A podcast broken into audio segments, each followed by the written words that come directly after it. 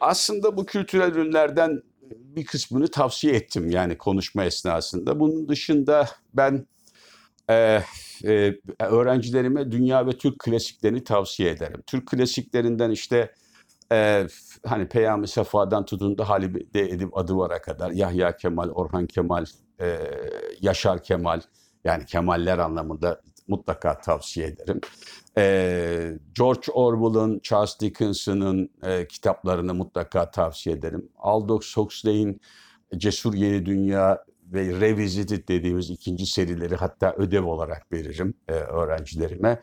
E, Kurtuluş Savaşı'nı anlatan kitap ve romanları mutlaka okutmaya çalışırım. Kendim buldukça da okumaya çalışırım.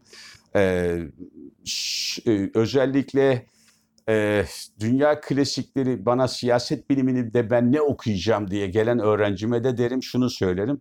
Yani siyaset bilimi üzerine ciddi kitapları bir kenara koy. Önce dünya klasiklerini ve Türk klasiklerini oku derim. Çünkü siyaset onların içerisinde her şeyiyle var derim. O yüzden de bunu tavsiye ederim. Sonra filmlerden işte mesela dünya e, filmlerinden işte Dalga gibi e, bu konumuzla bağlantısı olan Die Welt dediğimiz sınıf üzerine yazılan bir takım filmler var. Bunlar içerisinde hani e, e, belki dünya tarihi var Mel Brooks'un çok severek izlerim. Biraz tarihi tiye alan bir filmdir.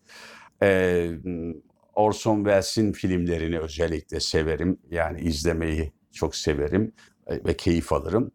Ee, bunun dışında aslında e, bizde 1970'leri çok iyi ifade eden Kemal Sunal'ları mesela Türkiye'deki siyasetin ne olduğu ve ne anlaşıldığına ilişkin e, Şener Şen ve Kemal Sunal filmlerini özellikle tavsiye ederim. Hatta birinci sınıflarda okumalarımın yanında bu filmleri de izleyin derim. Çünkü o filmlerde işte 1970'lerdeki Türkiye'nin toplumsal değişimi ve dönüşümüne ilişkin çok güzel örneklerin olduğunu söyleyebilirim.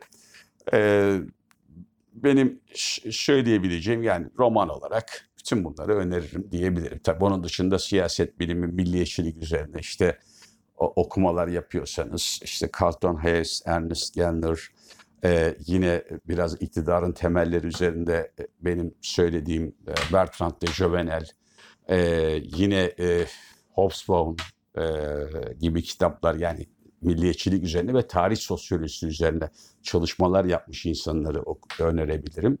Türkiye tarihi üzerine sınıfsal analiz açısından da son dönemlerde gördüğüm ve öğrendiğim ve anladığım kadarıyla eski kitapları referans edilmesi lazım.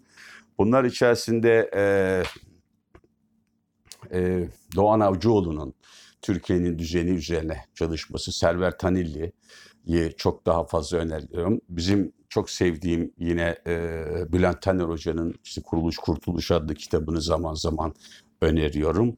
E, Stefanos Yerasimos'un Milliyetler ve Sınırlar, Az Gelişmişlik Sürecinde Türkiye gibi kitaplarını, İsmail Cem'in Türkiye'nin Geri Kalmışlığı kitabını, gibi, e, dahil olmak üzere böyle bir takım kitapları işte sınıfsal analizler yapmaları için öğrencilerime tavsiye ettiğimi söyleyebilirim.